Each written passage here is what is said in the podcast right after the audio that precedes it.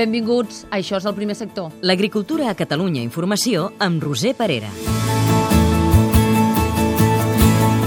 I avui coneixerem un projecte d'agricultura i ramaderia ecològica del Bages. S'anomena Pastures Castelltallat. Les ovelles, els xaix i els vedells pasturen i netegen el sotabosc. Les alimenten ecològicament amb pèsols i ordi que cultiven ells mateixos i també comercialitzen els productes que fan. La veu del camp és per una innovació de rec intel·ligent d'horts a través d'uns sensors que mesuren la humitat. Es pot controlar amb webcam. El primer sector. Pastures Castelltallat, al Bages, ha iniciat un projecte ramader amb xaix i vedells ecològics que permet mantenir les terres netes de sotabosc. L'incendi que va afectar la comarca l'any 1998 els va fer començar de nou recuperant una agricultura i ramaderia tradicional. És un reportatge de l'Isaac Vilalta amb el muntatge musical de Jordi Galbany.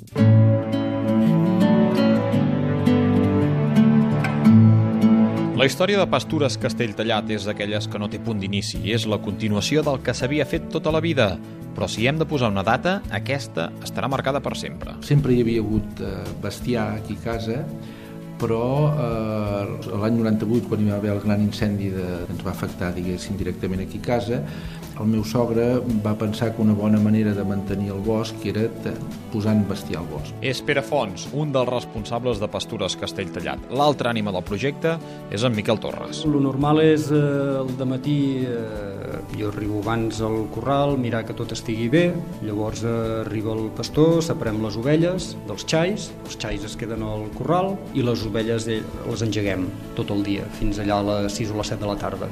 Llavors, un cop ell ha sortit, arreglar els vedells, si s'ha de moldre gra per fer-los el pinso. Des que Miquel es va incorporar, l'agricultura va passar a ser ecològica i destinada en gran part a l'aliment de les vaques. Aquestes, al mateix temps, pasturen pels boscos i netegen el sotabosc. Vam entrar en una segona etapa que vàrem dir, home, doncs si ja tenim el bestiar al bosc, fem un pas més, que és posem un petit obrador, perquè puguem tenir flexibilitat a l'hora de comercialitzar, que seria el tercer, el tercer pas, aquesta producció, de manera que puguem incidir en tota la cadena. I Pere remarca que treballa en el sector primari, al secundari, amb l'agroalimentació, i al terciari, amb la comercialització dels productes que fan, i tot ecològic. En Miquel ho justifica així. Per dues raons. La principal és per una motivació, no?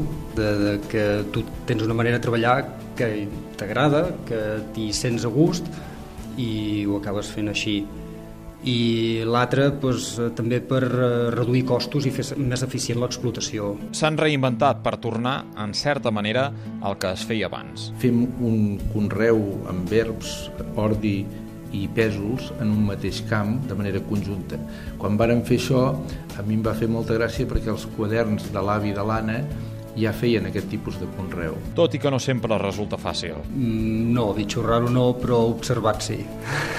Podríem dir que observat sí perquè és un món molt conservador. Ara, Pastures de Castelltallat comercialitza els seus productes a través de Mengem Bages, en un treball conjunt que posa en valor els productes i els productors de proximitat.